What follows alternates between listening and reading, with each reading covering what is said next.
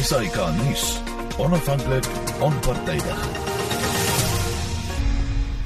Goeienaand, dit is soos altyd 'n voorreg om julle te verwelkom by ons weeklikse SAK nuus besprekingsprogram hier op RSG 100 tot 104 FM. Met dank aan Susanne Paxton wat die program verlede naweek gehanteer het. Een van vanaand se kommentaar kyk ons of lyk ons paneel as volg Max de Preez die uitgewer en mede-redakteur van die aanlyn publikasie Vrye Weekblad.com. Max, goeienaand. Goeienaand, Hendrik. Professor LT Links is 'n oud ambassadeur en ekonom. Goeienaand, prof. Goeienaand, Hein. En uh, dan die politieke kommentator Dr Teens Elof is ook 'n netwerk 24 rubriekskrywer en hy was voorheen die uitvoerende direkteur van die EW de Klerk Stichting. Teens, welkom ook aan jou. Nee, Hendrik. Nou, Max, nou, altyd. Goeienaand.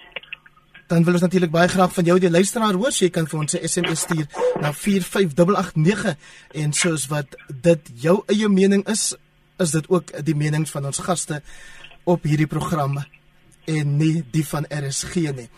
Terwyl ons 'n maandag tegemoet gaan wat Suid-Afrika as 'n regstaat en wetstoepassingsagentskappe behoorlik sal toets, Max het ons pas 'n voorste regskenner wat ook by die skryf van die grondwet betrokke was verloor. Hy is naamlik professor Lourens Du Plessis. So kom ons begin vanaand deur aan hom hulde te bring. Maak jy eerste? Ja, dankie Hendrik. Ja, Lourens was 'n groot gees. Uh, uh, ek weet teens het hom uh, ook baie goed geken.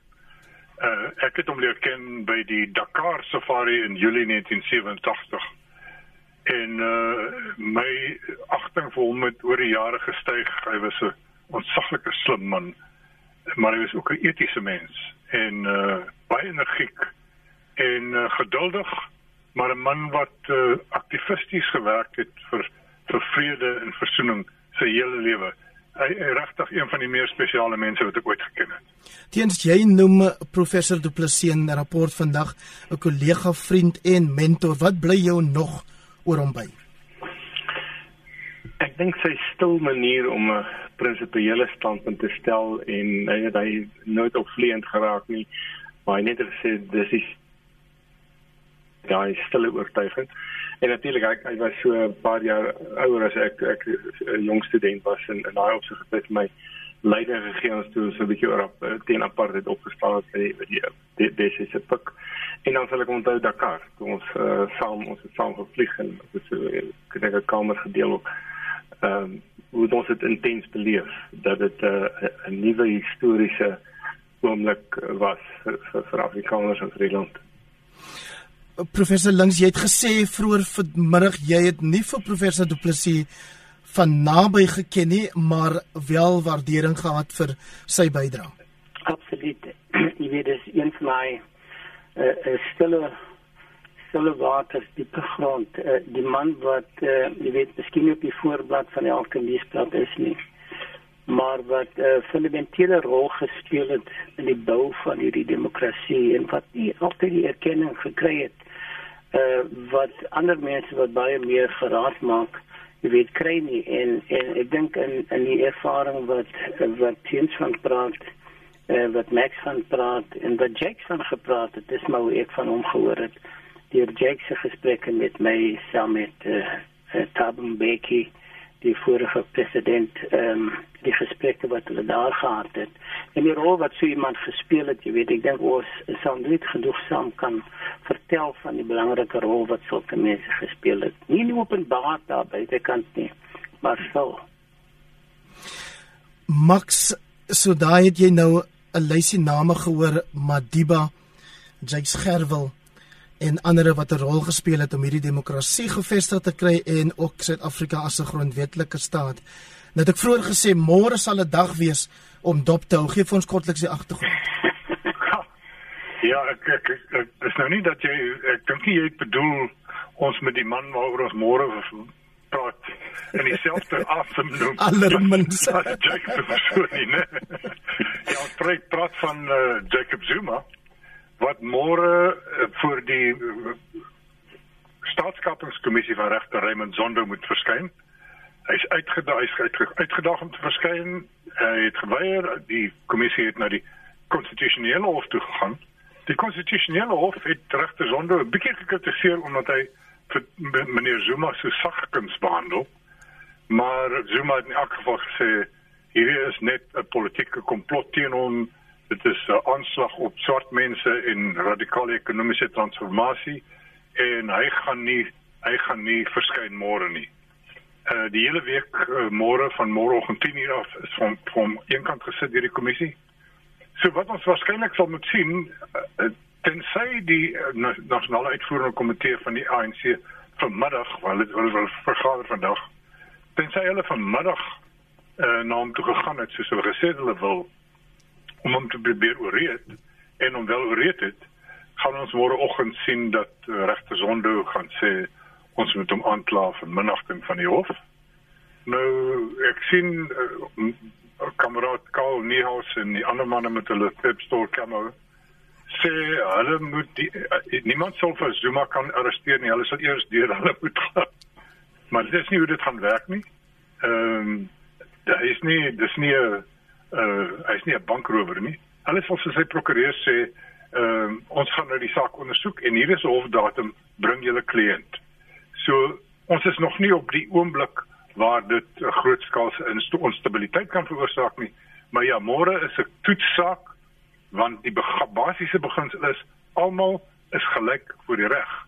Dit is die steunpilaar van die soewereiniteit van die reg en daarsonder kan ons demokrasie nie bestaan nie kan ek net namens almal wat soos ek groot geword het met klere van daai ketting klerewinkel sê ons ons neem aanstoot oor daai vir verwysing van Max. Teens een of dag gaan nie môre teegedrink word nie, lyk dit vir my. Nee, of dan gaan dit 'n lange teepouse wees by die kommissie. Nee, ek dink ek so nee, weet teoreties is die is die kommissie natuurlik onafhanklik van die regering, dis die regspreek deel van die regsprekende gesag amper en kan hulle onafhanklik optree. Die vraag is of hulle sal uit sê men dalk Sondag se gewone 'n lasbrief uitgereik word ehm um, en die dit sal uh, hofdatum wees. Ek dink daar sal Manavales wees in Kamlani. Uh, so kan nie as dit kom te wees nie. Maar dit is maar deel van Zuma se Stalingrad taktiek. Jy weet hy kom al dekades met met hierdie ding en uh, mense moet dit maar in heilig sien dit moet ergens net na 'n punt toe gaan en uiteindelik bring natuurlik die ANC uh, eh, in verleentheid. Ehm um, grootlik soos wat Ysmagashula ook doen. Ons kan gaggel en lag elke links oor of ek gaan nou vir elke sê want die luisteraars sê altyd Weingard jy hoef nie die gaste se name gedurig te herhaal nie ons ken hulle. So elke ons kan lag oor Karl Neels dalk maar wanneer die KwaZulu-Natal se taxi verenigings en ander burgerlike groepe daarvan sê hulle gaan 'n menslike versperring vorm by die ingange van Nkandla, dan klink dit nou nie meer so snaaks nie. Ja nee, dis dis ernstige sake vir ehm uh, vir enige een wat wat glo ons het dan nog 'n demokrasie wat ons kan en sê jy gesê het regstaat is. Eh uh, die probleem is al hierdie eh uh, gebeurtenisse en hierdie maniere van uitstel van ons vorige president is natuurlik 'n klap op ons naam in die sin dat dit nie mooi na buite lyk nie behalwe dat dit ook die wat binne die land is en wat uh, mense is en en en gesag uh, gehoorsaam is is wetsgehoorsaam is is maak dit baie moeilik en Jy weet nie hoe lank hierdie man uitstel vra of gaan kry of gaan neem in sy hande nie. En dis maar die ou storie wat ons nou herhaaldelik gehoor het wat al baie aangehaal is. I want my day in court. Maar daai court dink ek my ehm um, selfseker het mis eendag gesê hulle regeer tot Jesus kom. Nou wonder ek wanneer daai tyd gaan aanbreek. Wanneer hy hoef te gaan so seker maar dieselfde tyd wees. Hy stel uit en uit en uit en het allerlei verskonings en ek ken nou so 'n bietjie van ehm um, uh, Karel Karel het vandag klomp gesigte in die koerant gehad. Dit my nogal eh uh, beïndruk. Maar ek was saam met hom ambassadeur geweest ek in in, um, in België was was hy in in Holland gewees in Nederland.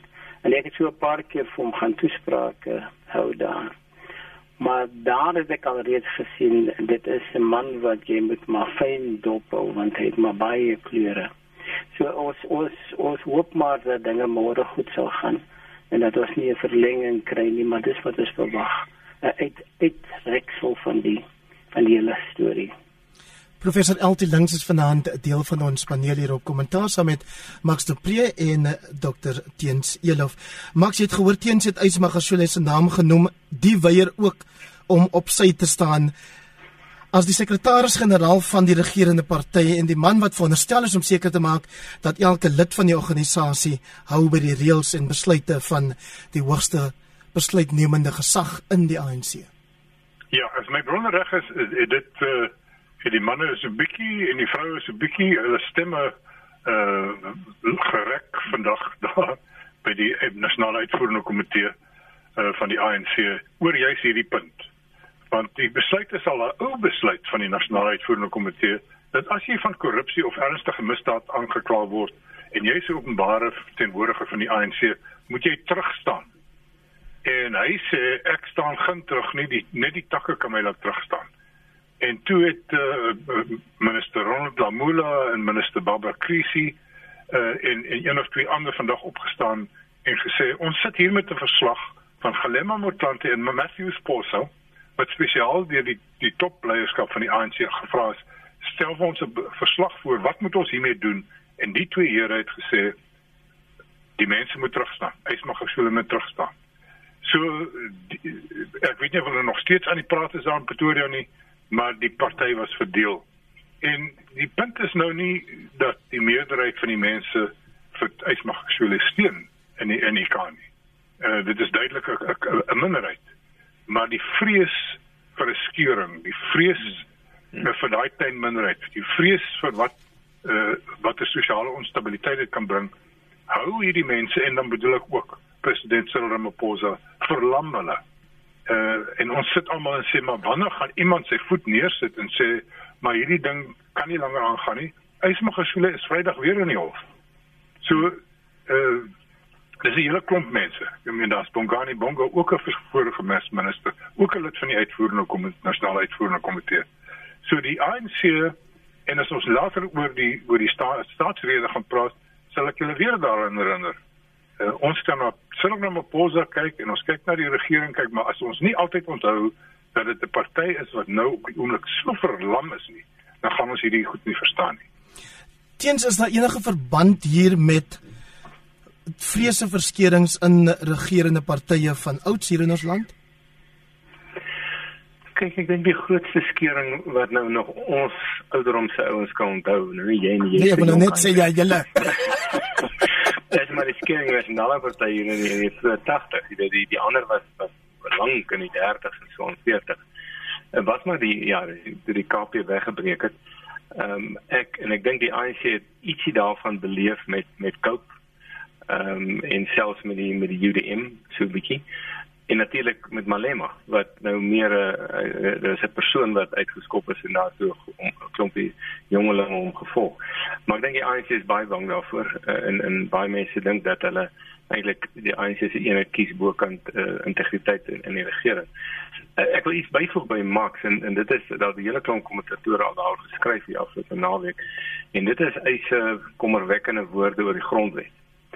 Ehm um, en en die hele feit uh, dat hy gesê dat die grondwet is nie in in sement geskryf nie wat wat tegnies waar is maar die toon waarmee hy het gesê dis man eintlik moenie hele oor die grondwet bekommer nie.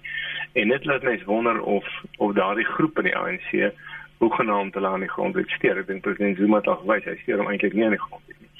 En dan word die vraag natuurlik nie net is dit eenheid is is dit is dit die ANC se integriteit en of eenheid of eis aan een kant nie maar is dit ook respek vir die grondwet uh, en en en dit word 'n baie moeiliker maar 'n belangriker keuse vir die ANC om te maak. Hulle moet sê ons moet staan by die grondwet, by die grondwetlike hof wat vir mag gesê hy moet gaan getuig. En en jy weet nie sommer 'n landroskantoor wat sê jy jy is nie vir 'n spoedkaartjie opgedag nie. Dis die hoogste hof van die land wat gesê president Zuma, jy moet gaan getuig. En daai disrespek, uh, dink ek is is baie sleg vir ons demokrasie en nie net vir die ANC nie. Maar, dit, maar as ek mag uh, inkom daar ehm uh, hein die die punt is die dit is 'n meelsteen om die nek van ons president. Jy weet want hy uh, en ek dink merk sy daar verwys is is nou daar by kom uh, in in die die rede wat hy gelewer het Sondag aan die staatsrede.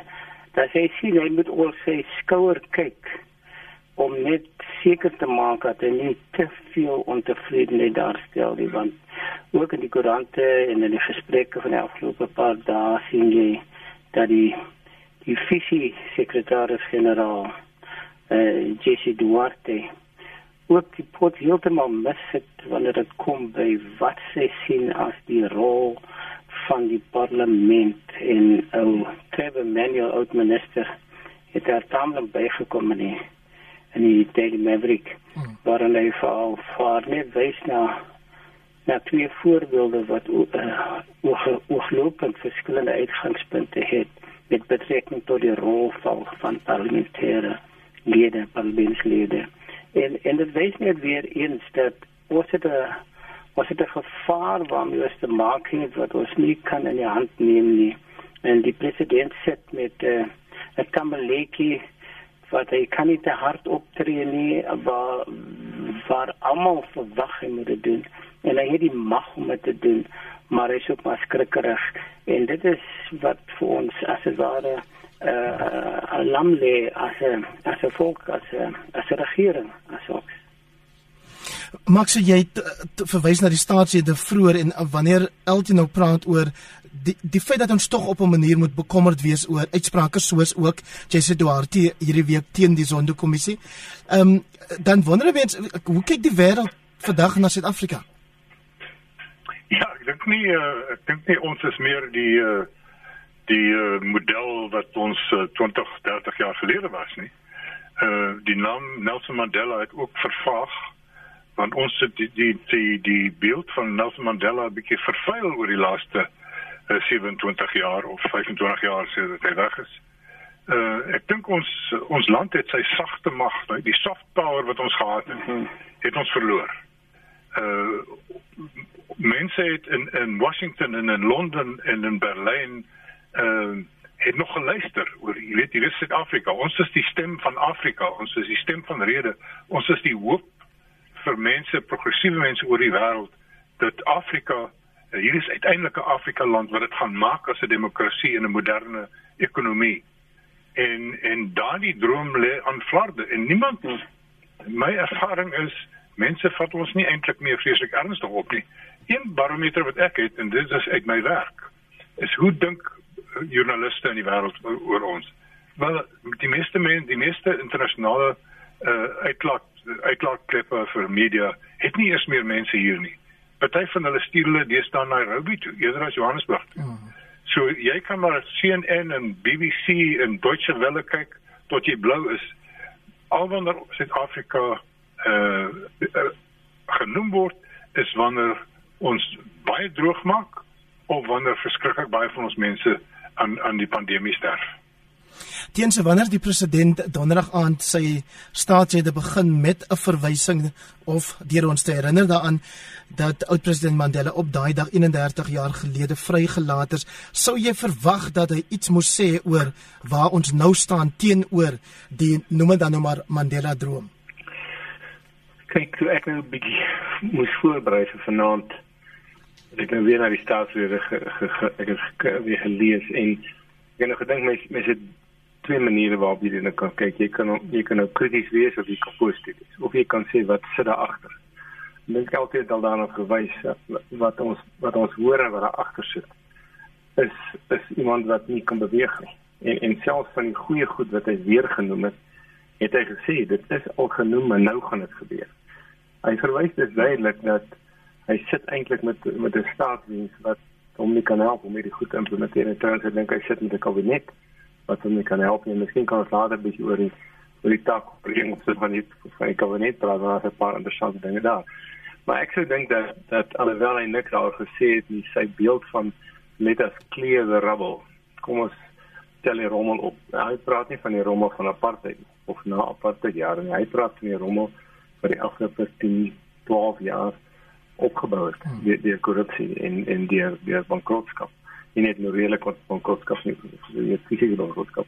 So ek ek dink alhoewel hy dit nie gesê het nie, het dit 'n paar keer deur geskemer dat hy sê kom ons begin nie. Nou ja, ek weet ek my my sentimente is positief daaroor. maar ek dink nie dit kan gebeur nie. Uh, want want hy sit daar daar's twee goed wat soos 'n groot skare weer donker wolk hang oor alles wat hy gesê het. Selfs die goeie goed en die eerste is dat hy nie staat is wat wat dit kan doen nie. En en en ons kan daar praat, maar ek dink die grootste rede is skaderontwikkeling, rasse ideologie. En dan die tweede rede is die geld is op. Al die goed kos geld en ons het nie meer geld ons dit gemors, wat ons gemors het en ons gesteel. So LT as 'n week wat met eintlik maar groot verleentheid begin het vir die regering met die nuus dat die AstraZeneca enstof nou nie effektief sal wees teen die nuwe COVID-19 variant nie.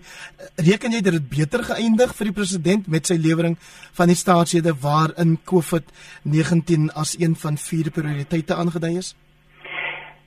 Maar weer eens is 'n so gemengde prentjie wat jy gekry het want hy, hy het op vier belangrike aspekte gelet uh, die pandemie is een daarvan. Ehm um, ek dink nie ons is almal op dieselfde bladsy weer eens met die optimisme wat ons sou moes gehad het wanneer dit kom by die pandemie nie.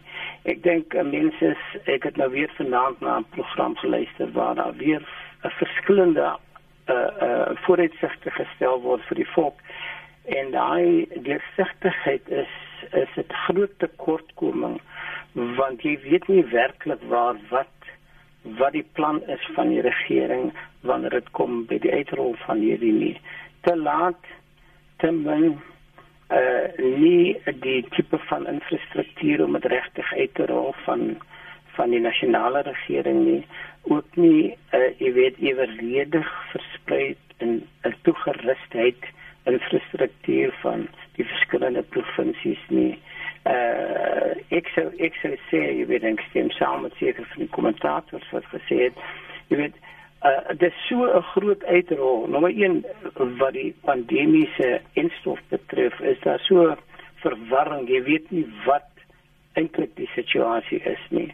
Uh maar vir die uitrol daarvan moet jy regtig waar baie stewige greep kry as nasionale regering maar jy moet ook jou provinsies wat wel so kan doen die vermoë of die geleentheid gee om daaraan uh, by te dra maar ook die private sektor. Jy weet as jy gaan kyk na ons mediese private sektor medies dan is ons eintlik van van die beteres.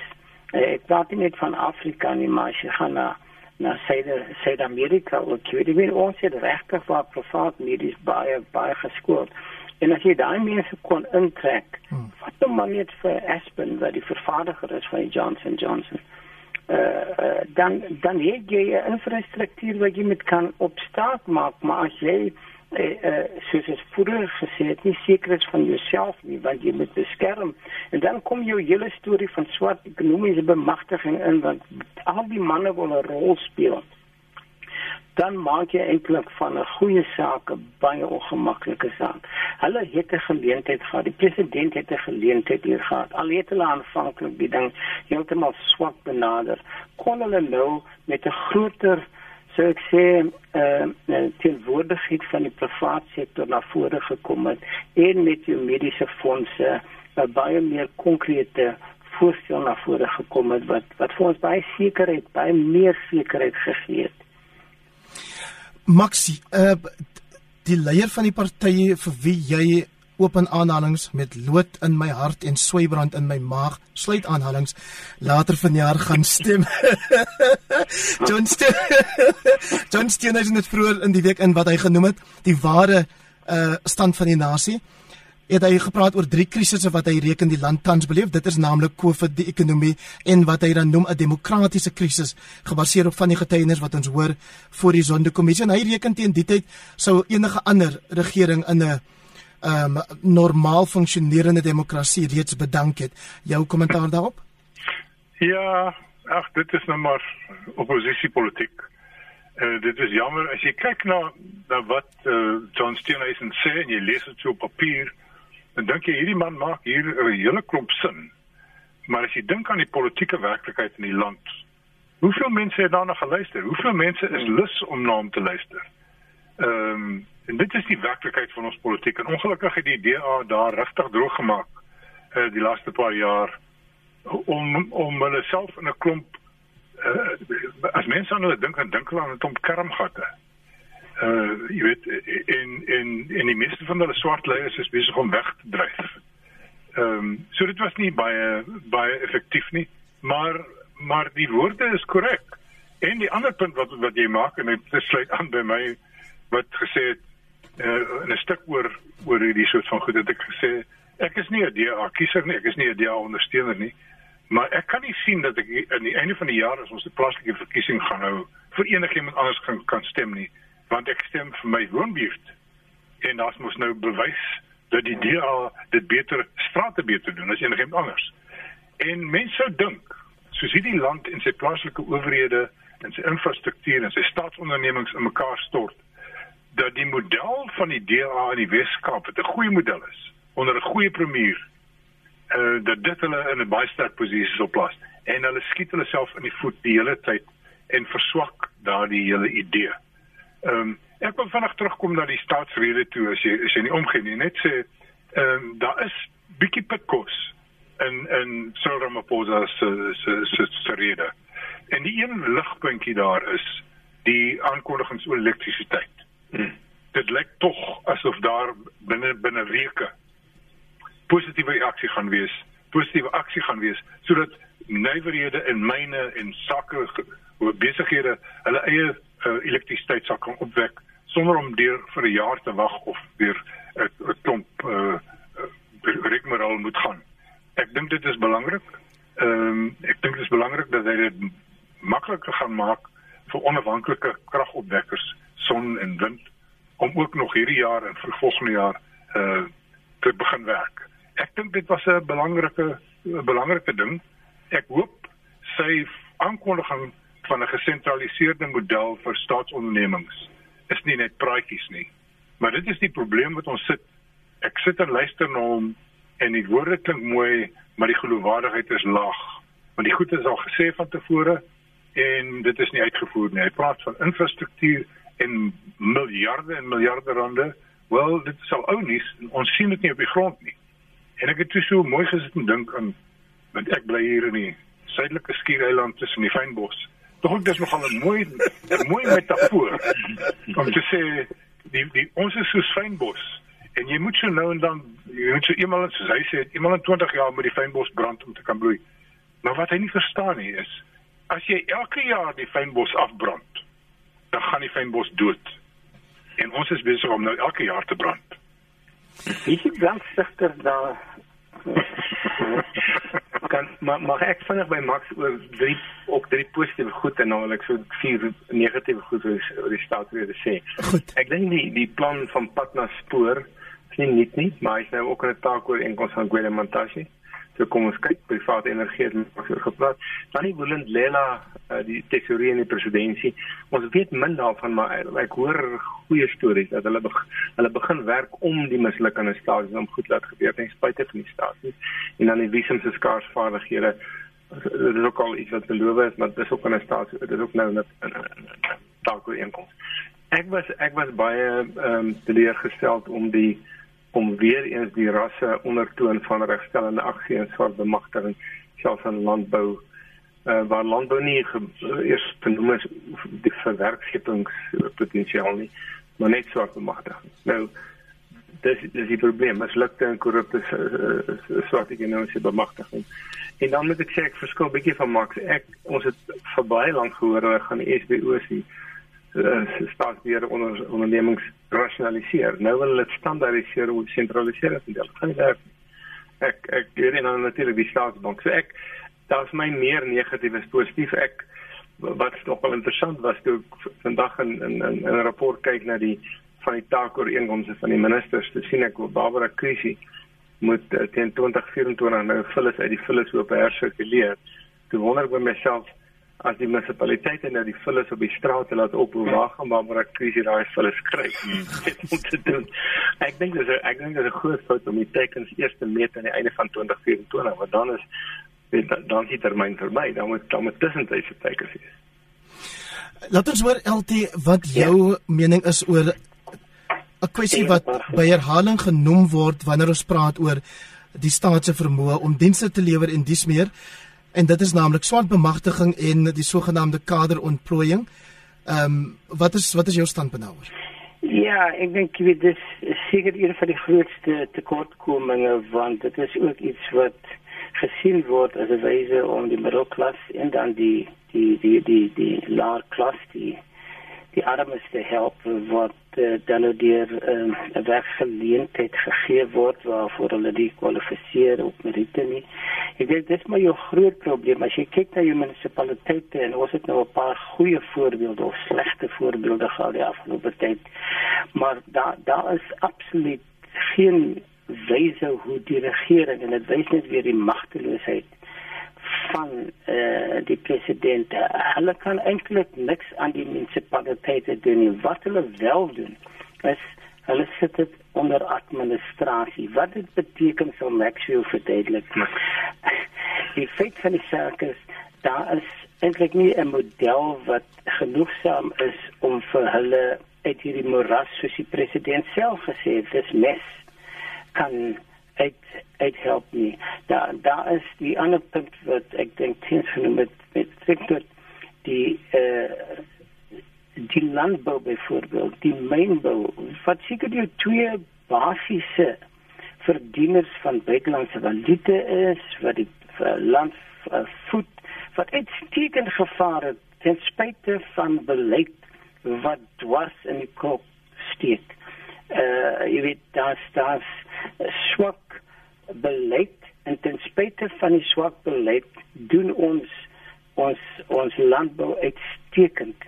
Ons mynbou het nou asem geskep met die met die pryse van ons um, minerale en en hierdie geleenthede moet eintlik nou die basis vorm van en en dis nie ons eie toedoen nie.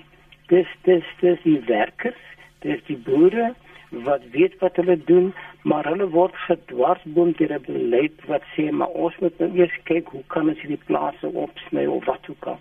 So daar's 'n daar's 'n paar goeie goed wat kan gebeur wat ons kan loods maar die beleid maak die voorsiening daarvoor. Jy sien nou net kyk na swart ekonomiese bemagtiging wat gaan oor eiendom. Ons ons is ons gaan nie die eiendomsaspek van swart bemagtiging oornag kan herstel of verander nie. Daar's baie ander goed wat ons wel kan doen om die swart uh die die die die die swakkeling in die gemeenskap wat ekonomies swaar kry kan aanhelp en daar is 'n uh, goeie goed in die in die swart bemagtiging maar as jy verkeerd begin dan gaan jy nie die sukses behaal. Die munisipaliteite uh, werkskepping, die uh, lone wat weer eens uh, ter sprake kom.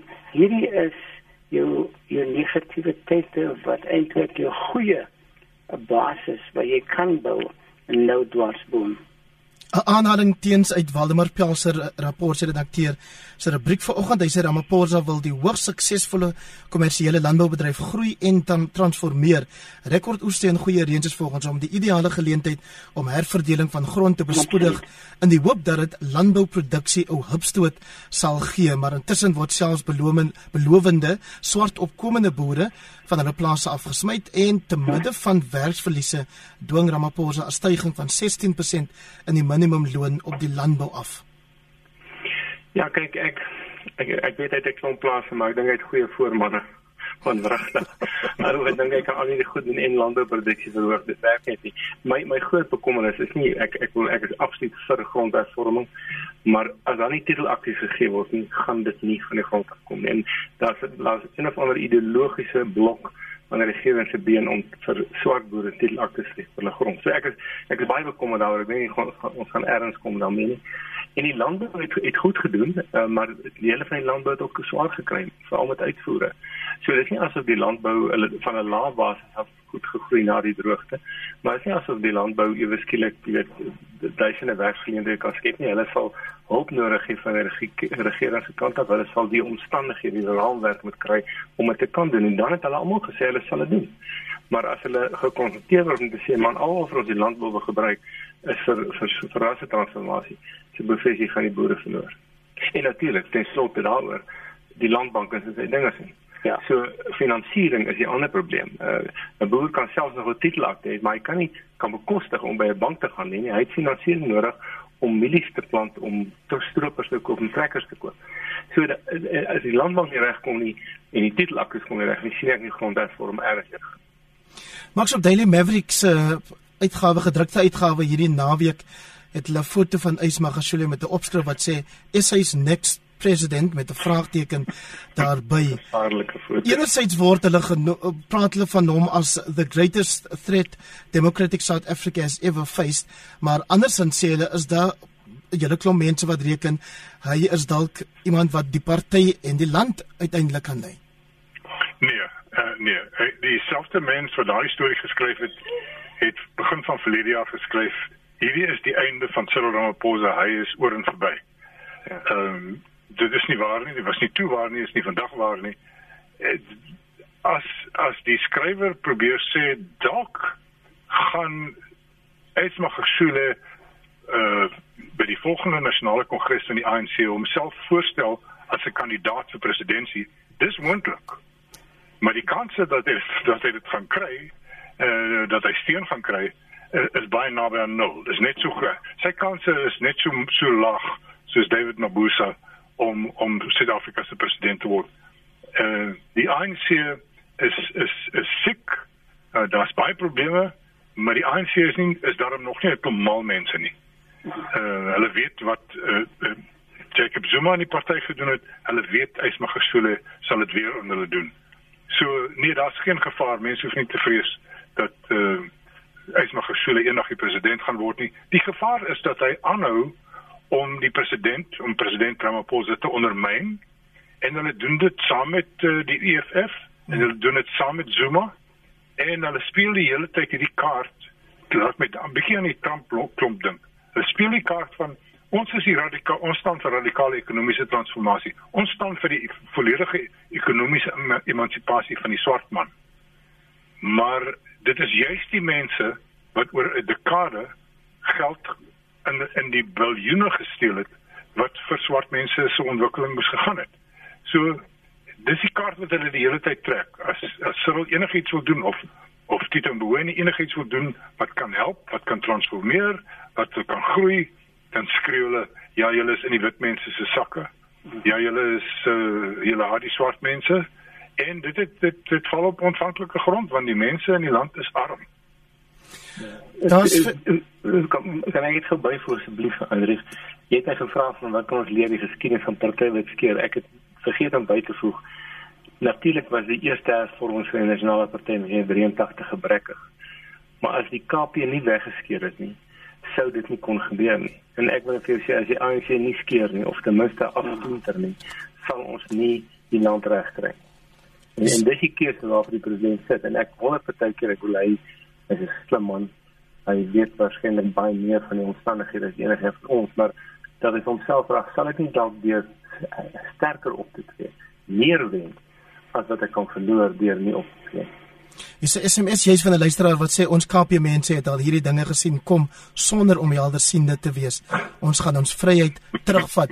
So, Breinman LT, daar's vir jou 1 minuut oor om 'n ja, laaste gedagte met ons te deel. Ja, ek wil net een ding sê in slotte is is jy weet die een ding wat kort kom by hierdie toespraak is die skep van vertroue. Daar's 'n gebrek aan vertroue vir investeerders, vir verbruikers en as jy dit nie het nie, dan kan jy watter stories ek het ek het in die, in die teks van van EF Harten was 'n groot 'n firma, finansiële firma, 'n beleggingsfirma in Amerika. En hulle het so 'n slagspreuk gehad. Trust is earned. You can't trust EF Hutton.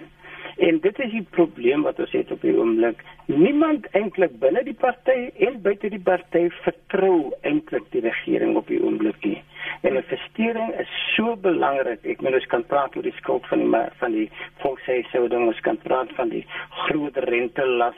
Dis die basis waarop ons nou moet werk. Dit is verbrokkel want daar is nie vertroue in die land nie.